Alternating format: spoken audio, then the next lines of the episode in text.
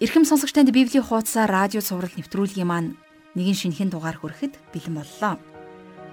Тэгэхээр өнгөрсөн хичээл итгэгч хүмүүс бидэнд суралцаж амьдралдаа хэрэгжүүлэх хид хідэн чухал зүйлүүдийг онцгойлон сануулж өгсөн.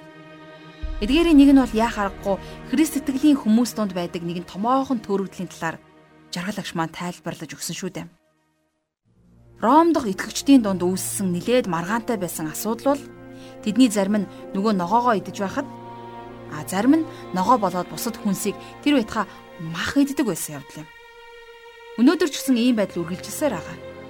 Тэгвэл энд итгэгч хүний юу идэх, юу идэхгүй байх нь ерөөсө ёс суртахууны асуудал биш юм аа. Харин юу гэдэг талаар хин нэгний хувийн хандлага нь бие биенийгээ шудраг усаар буруутхан яллах байдалд хүргэдэг гэж хэлсэн Паулийн үг бидэнд үнэхээр сурах ёстой чухал хичээл байсан. За бас итгэлийн амьдралыг бас өөр нэгэн тал руу гуйвалдаг хүмүүсийн талаар жаргалагч маань нилээд онцгойлон хэлсэн шүү дээ. Үнэн дээр заримдаа олон болохгүй зүйлд бид дэндүүх ядарч туйлддаг. Тэгвэл бурхан биднийг аврахдаа маш их эргчүүлэг өгсөн гэдгийг санах хэрэгтэй. Харин түүний бидэнд өгсөн энэ үн цэнтэй бэлгийг бид маш зөвөр ашиглах ёстой. Бидний үйлдэлүүд хин нэг нэг унгах шалтак болох учиргүй. Харин хийж байгаа зүйл болго маань, хийж байгаа үйлдэл болго маань хайр дотор, итгэл дотор хийгдэх нь юу юунаас илүү чухал. Тэгвэл энэ талаар Паул илч Коринт хотынхонд бичсэн загталтаа ийхүү бичсэн байна. Ах дүүсийнхээ эсрэг нүгэл хийж тэдний мөхс мөн чанарыг шархлуулснараа чи Христийн эсрэг нүгэл хийж байгаа юмаа гэж 1-р Коринт номын 8 дугаар бүлгийн 12 дугаар ишлэлд бичжээ. Уучлаарай ах дүүсийнхээ эсрэг нүгэл хийж тэдний мөхс мэс чанарыг шархлууснараа та бид Христийн эсрэг нүгэл хийж магадгүй байх шүү. Тэгэхээр эзний ариун сүнсээр өгөгдсөн энэ ятгалгын үгийг тээгээд эзний загалмай өмнө очицгоё. Түүний үгийг хүлээж авахаасаа өмнө өөрсдийнхөө савыг цэвэр ариун байлгахын төлөө түүнээс хамтдаа гуйж залбирцгаая.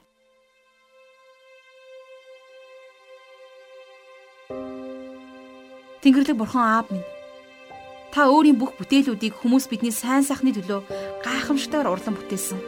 Эзэн минь таны урд үеийн төлөө, уран гарын тань төлөө, мэрэгэн оюун бодлын тань төлөө талархлыг өргөж байна. Харин эдгээрийг зүв зүйтэйгээр амьдралдаа зориулж чаддаг.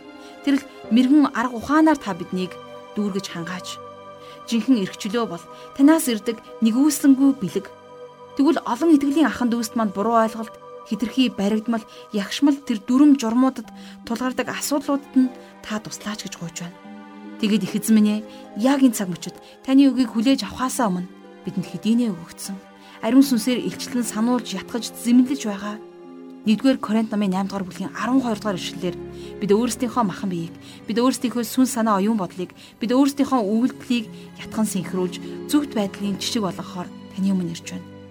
Их эзэн минь Бид урд хожид хизээ нэгэн цагт ах дүүсийнхаа эсрэг нүгэл хийж тэдний мөхөс дорой чанарыг нь шархлуулснараа бид таны эсрэг бид Христийн эсрэг нүгэл хийж байгаагаа бид ухаарлгүйгээр ах дүүсээ гоочлон шүүмжилж тэднийг унгаан бүдрүүлж байсан байна.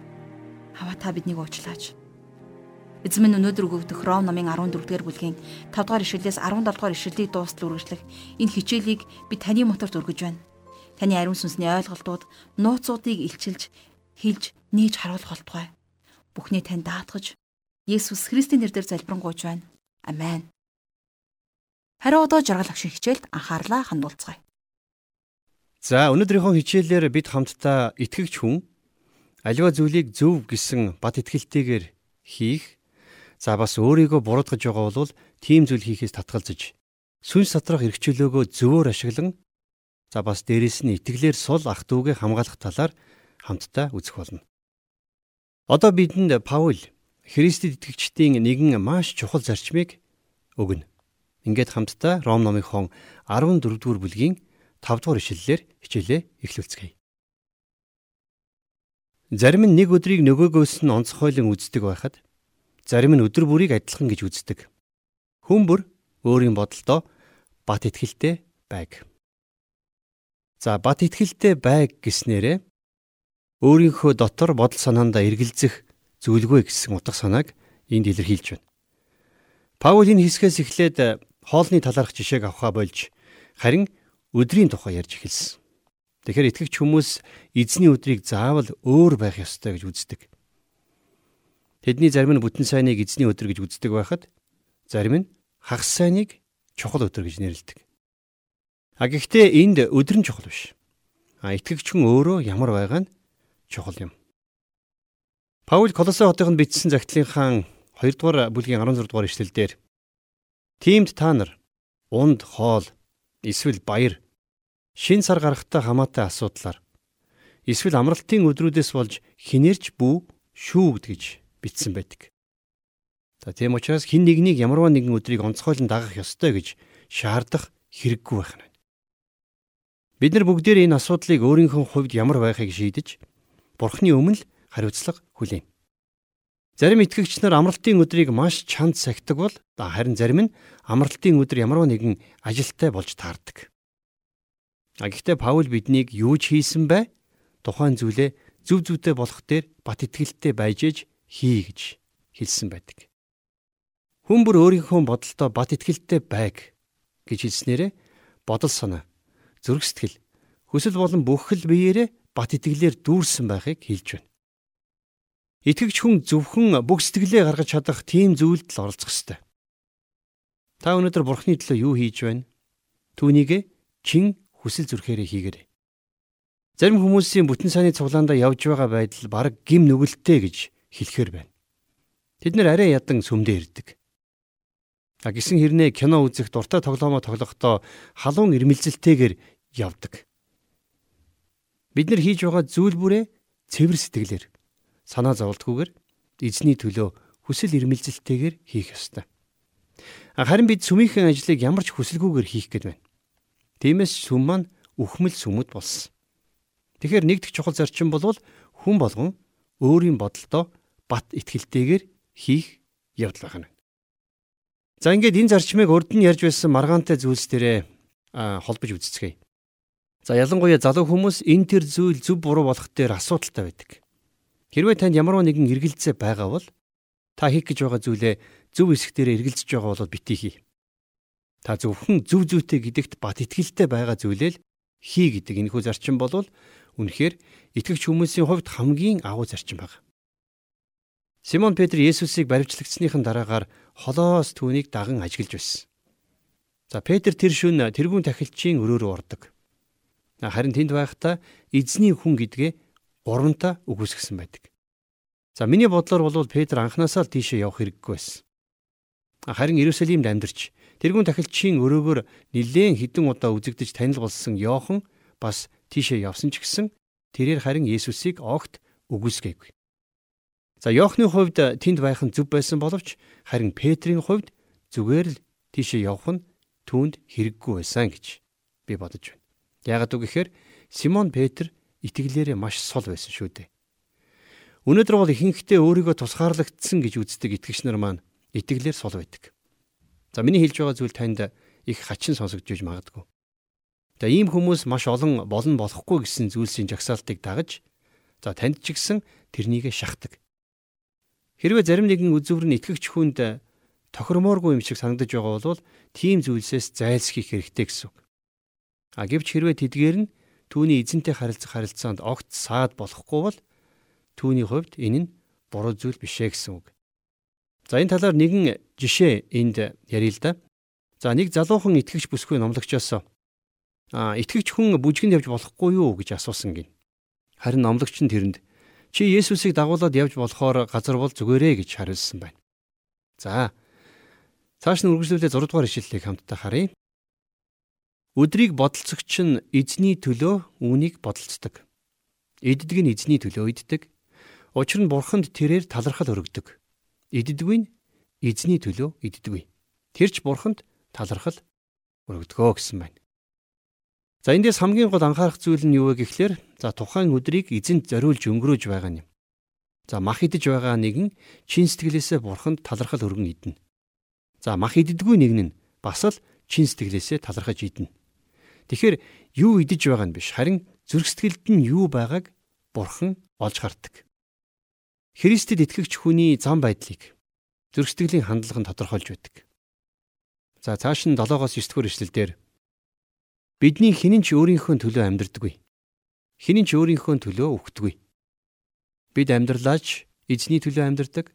Бид үхлээч эзний төлөө үхдэг. Тиймээс амьдралаач үхлээч бид эзнийх. Учир нь үхсэн амьд аль альнийх нь эзэн байхын тулд чухам үүний тулд л Христ үхээд амилсан билээ. За Паул энд ингэж хэлж байна тийм ээ бидний хинэн ч өөрийнхөө төлөө амьдрдаг вэ гэж. Хинэн ч өөрийнхөө төлөө үхдэггүй. Тэгэхээр бидний амьдрал үргэлж бусдад нөлөөлж байдгийг энд харуулж байна. А гэтээ бас бид нар нэг өөр зүйлийг эндээс ойлгож авах хэрэгтэй. Итгэгч хүмүүс бид нар өөрсдийнхөө амьдралыг Христийн гадна байлгах бол боломжгүй. Та амьдрчил байгаа бол түүний төлөө амьдрна. Та өөхөхдөө ч гэсэн Есүс рүү очихоор л явна. Итгэгч хүмүүс бидний амьдрал юу идэлж хэрглэж ямар хоол унд идэж байгаагаар биш. Харин Бурхны төлөө зориулагдж байгаад л оршино. Энэ бол бидний амьдралын хамгийн чухал утга учир. Бид нар нэгэн өдөр энэ амьдралдаа хийсэн бүх зүйлийнхээ хариуцлагыг хүлээх болно. 2 дугаар Коринт номын 5 дугаар бүлгийн 10 дугаар эшлэлдэр Паул бичгтээ. Учир нь хүн бүр муугч бай, сайнигч бай, юу үйлдэснийхээ төлөө биеэрээ хариугаа авахын тулд бид бүгдээрээ Христийн шүүхийн суудлын өмнө гарч ирэх ёстой гэж. Тэгэхээр яг тэр үед та ширээн дээр мах тавьсан байсан чинь биш, тийм ээ? Харин ширээний ард суухдаа эзэнтэйгээ ямар харилцаатай байсан чинь л яригдана гэсэн үг.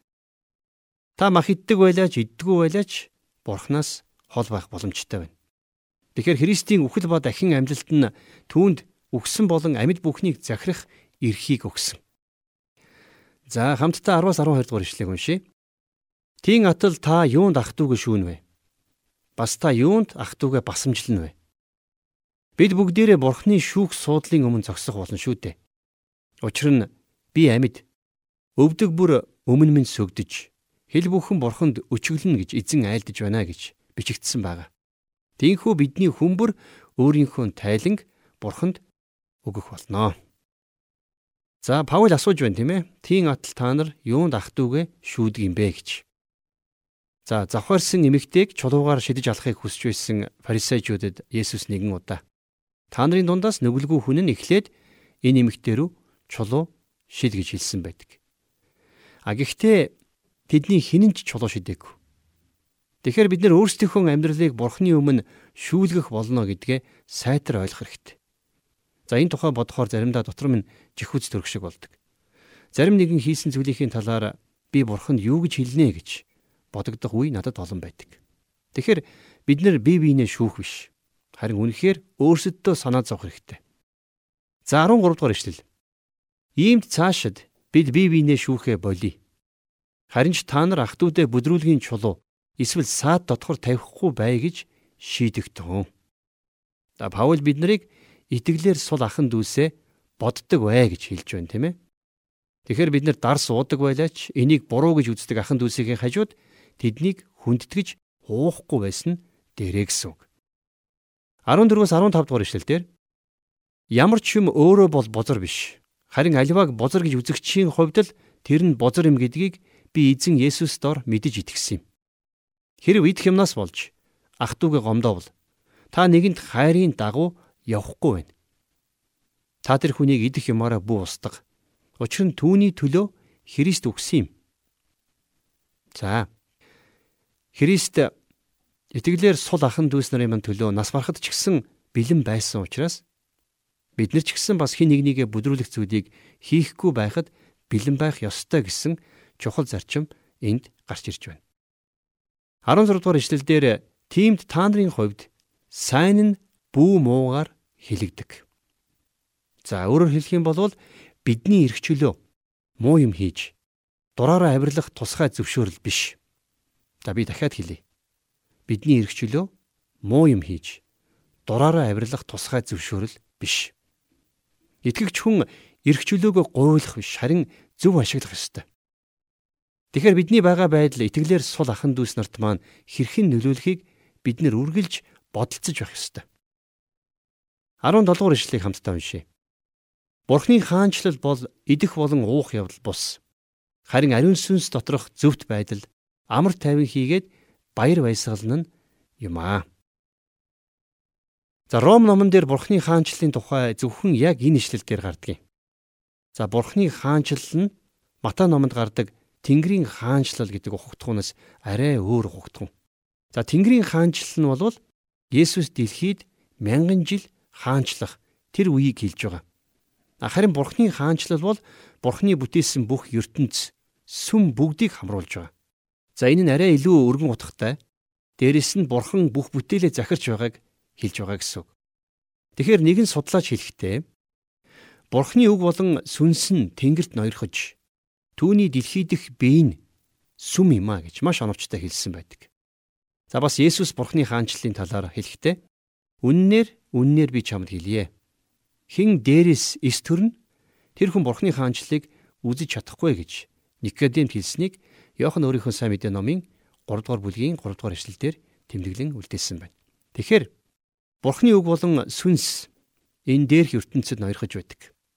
За бас нэгэн судлаач хэлэхдээ Бурхан бүх газарт захирдаг.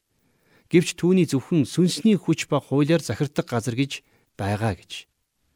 За тэгэхээр энэ газар болвол итгэгч хүний амьдрал. Бурхны хаанчлалыг дахин төрөхгүйгээр харах боломжгүй. Энэ хаанчлал нь идэх уух, мацаг барих, цагаан холдон байх эсвэл байхгүй зэрэгтэй огт холбоогүй. Эдгээр зүйлс нь түүний хаанчлалд орохгүй. За энэхүү ишлэлд хэлэгдэж байгаа зөвхт байдал нь бол за 1 3 дугаар бүлэгт өгүүлсэн зөвхт байдалтай яг адилхан утга санаагаар гарч байна. За энэ нь бол бурханд зөвхт тооцогдох, бурханд тааламжтай амьдралаар амьдрах гэсэн утга санааг илэрхийлж байдаг. Ариун сүнс нь зөвхт байдалтай хамт явах талаар болон биднийг ариун сүнсээр удирдуулж амьдрах тухай ярьж байна. Тэгэхээр энэ бол ямар нэгэн тийм теологийн онол бол биш амьдралын бодит зарчим. Энэ бол зүгээр нэгэн уран ихтгэл биш, ёс суртахууны үнэт зүйл. Энэ бол итгэгч хүн анх аврагдахад өгөгддөг Христийн зөвхт байдал биш. Харин аврагдсныхаа дараагаар сүнс дотор зөвхт амьдралаар амьдарч өсөх өсөлтийн тухай юм. За баяр баясгалан болвол итгэгч хүний амьдралын ариун сүнсний үр жимс. За харамсалтай нь энэ үр жимс олон итгэгч хүний амьдралд байдаг.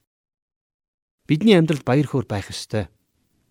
Мэдээж энэ нь та үргэлж инэнэ гэсэн үг биш ч гэсэн таны зөрчсдглийн гүнд Есүс их эзний баяр баясгалан үргэлж байх тухай ярьж байгаа юм.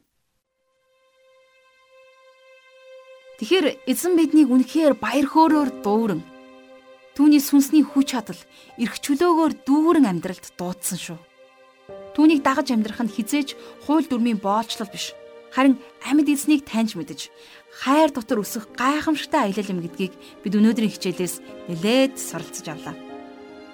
Итгэж хүмүүс биднийг хоёр талцуулан хуваадаг олон ойлголт байдаг. Үүний нэг бол эзний өдрийн тухай ойлголт. Тэгэхээр энэ талаар жаргал агш маань хин нэгнийг ямар нэгэн өдрийг онцгойлон даах ёстой гэж шаардах учиргүй болохыг бидэнд тайлбарлаж өглөө. Энэ бүхнийг сонсож байхдаа би Илч Паулын загснаар юу ч хийсэн тухайн зүйлээ зөв зүйтэй болох дээр бат итгэлтэй байж хийх нь юу юунаас илүү чухал юм а гэдгийг сонсон суралцаж авсандаа үнэхээр их баяртай байна. Мэдээж энэ нь бидний оюун бодол, зүрх сэтгэл, хүсэл болоод бүхий л биеэрээ бат итгэлээр дүүрсэн байхыг хэлсэн. Тиймээс та өнөөдөр Бурхны төлөө юу хийж байна? Түүнийгэ чин хүсэл, зүрх сэтгэлийнхаа гүнээс хийж эхлээрэй. Учир нь өнөөдөр орчлон ертөнцийг бүтээгч эзэн таны дотны анд нөхөр байхыг хүсэж байна. Тэрээр өөрийн энэ хүслийг таны ам амьдралд бүхий л байдлаар харуулахыг хичээдэг. Харин та түүнээс өөрийгөө илчлэхийг хүсч түүн рүү хандан залбираарай. Ингээд эзэн бол сүнс юм. Эзний сүнс хаана байна? Тэнд эрх чөлөө байдаг гэж 20 дугаар Коринтомын 3 дугаар бүлгийн 17 дугаар ишлэлд хэлсэн энэхүү гайхамшигтай үгээр өнөөдрийн хичээлээ өндөрлөе. Мэдээж та сурсан зүйлийнхаа төлөө эзэнд талархах цаг заавал гаргаарай. Яг одоо хамтдаа залбирцгаая. Хайртай бурхан аав минь ээ. Та бидэнд сүнсээр алхах шинэ ам амьдралыг өгсөнд баярлалаа. Эзэн минь ээ, та бол бүх хүч чадал, та бүх эрх мэдэл, бүх алдруудын дээдийн дээд нь та юм. Миний ам амьдрал бэлдсэн. Таны гайхамшигтай төлөвлөгөө үнэхээр юу вэ? Бид ах дүүсээ буруутгаж, яллаж, бүдрүүлж би таны эсрэг гимнүүл хиймээргүй. Тиймээс хэзэн минь ээ Үнний сүнс минь ээ. Иргчлөөний сүнс минь. Та бидний амь амьдралд, бидний харилцаанд та хязгааргүйгээр та иргчлөөтэйгээр салхилж та хаанчлалын үлсийг биднээр дамжуулан хийгээч гэж гуйж байна. Бүх зүйлээ танд даатгаж Есүс Христосийн нэрээр залбирanгуйж байна. Амен.